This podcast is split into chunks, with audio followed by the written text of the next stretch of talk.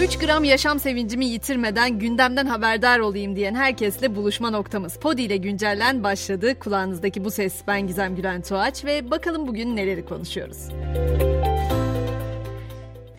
Önce bir istatistikten bahsetmek istiyorum. Türkiye yılda kişi başı 199,6 kilogram ekmek tüketimiyle en çok ekmek tüketen ülkeler listesinde zirvede yer alıyor. Listede Sırbistan ikinci, Bulgaristan ise üçüncü sırada. Ama gelin görün ki ekmeğe %33'lük zam kapıda. İstanbul'da 200 gram ekmek 5 liradan 240 gram ekmek 6 liradan satılıyor. Gelecek bu zamla birlikte ekmeğin 8 lira olması bekleniyor. Zammın henüz görüşme aşamasında olduğunu da belirteyim. Kapıdaki bir diğer zam haberi ise sigaraya tekel bayiler platformu Esse grubuna gelen 5 liralık zam sonrası diğer gruplara da birkaç gün içinde yeni zamların yapılabileceğini duyurdu. Her zaman söylediğim gibi sigara sağlığa olduğu kadar ceplerimize de zararlı. Tabi yılın ikinci yarısıyla birlikte bu zam yağmuru da başladı ama hayat pahalılığı düğün mevsimiyle birlikte belki de en çok o yeni evlenecek çiftleri vurdu. Zira evlenmenin en düşük maliyeti 400 bin liraya yükseldi. Bir web sitesinin evlilik maliyeti fiyat araştırmasına göre beyaz eşyadan mobilyaya, gelinlikten düğün salonu ücretlerine kadar bir düğünün maliyeti en az 400 bin liraya ulaşmış durumda. Bir de bu hesaplamaya ev kirası dahil değil. Tüm bu katlanan giderlere karşı memur ve emekli maaşlarına yapılması beklenen zam için de yarını bekliyoruz. TÜİK'in açıklayacağı enflasyon verileri sonrası zam oranının da netlik kazanması bekleniyor. Peki Gizem Fransa ne oldu ya diyenler eminim var onları duyar gibiyim. Fransa'da polis kurşunuyla ölüm sonrası başlayan protestolarda bir haftayı geride bıraktı. Ülkede en az bin bina ile 5 bin araç ateşe verildi. Gözaltı sayısı 3 bini aştı.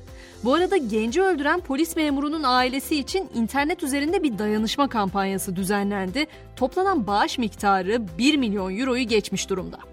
Merak edilen bir başka konuysa Covid aşısı üreticilerine karşı açılan davalar.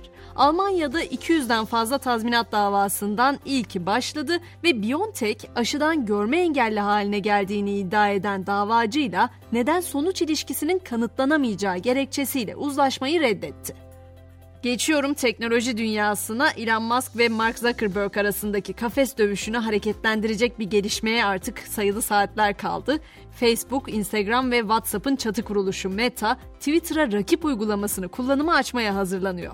Metin tabanlı konuşma uygulaması Threads, ABD'de perşembe günü kullanıma sunulacak.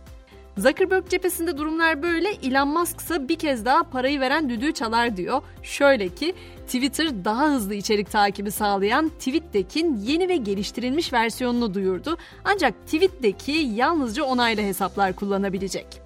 Akşam saatleriyle birlikte istiyorum ki biraz da uykuyla ilgili araştırmaları konuşalım. Mesela Japonya'da yapılan bir araştırma gece uykusundan önce diş fırçalamamanın kalp hastalığı riskini artırabileceğini ortaya çıkardı. 1675 denek üzerinde gerçekleştirilen araştırmanın sonuçlarına göre dişlerini günde iki kez fırçalayanlar ve sadece geceleri fırçalayanların kardiyovasküler hastalıklarda hayatta kalma oranları hiç fırçalamayanlara kıyasla önemli ölçüde yüksek. Hazır uykudan söz etmişken çiftler arasında da yeni trendin uyku boşanması olduğunu söyleyeyim. Bu tabiri ilk kez duyanlar için şöyle anlatmak istiyorum. Eşlerin ayrı yataklarda uyuma tercihi uyku boşanması olarak adlandırılıyor. Yani seni seviyorum ama seninle uyumak istemiyorum demek oluyor bu. Bunu tercih edenlerin sayısı ise hiç az değil. Amerika'da yapılan bir ankete göre katılımcıların %52,9'u tek başına uyumanın uyku kalitesini artırdığı görüşünde. Peki çiftler neden bunu tercih ediyor diye soracak olursanız genel olarak program çatışması, kişisel alan ihtiyacı, gece geç saatlerde internette gezinme ve tahmin edeceğiniz üzere horlama gibi nedenlerle bunu tercih ediyorlar.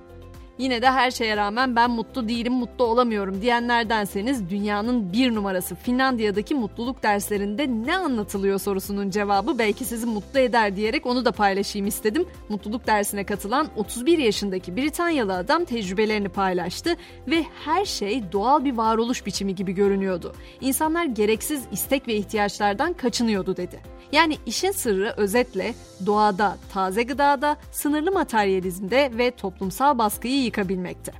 Hemen spordan notumu da ekliyorum. Fenerbahçe teknik direktörün ardından yeni sportif direktörünü de resmen açıkladı. Sarı lacivertliler de sportif direktörlük görevine Mario Branco getirildi. Böylece biz de güncellenin sonuna gelmiş bulunuyoruz. Noktalarken de şüphesiz güne bir motto bırakıyorum. Şöyle diyor Charles Bukowski. Yakın zannettiğin insanların sana ne kadar uzak olduğunu düştüğünde anlayacaksın.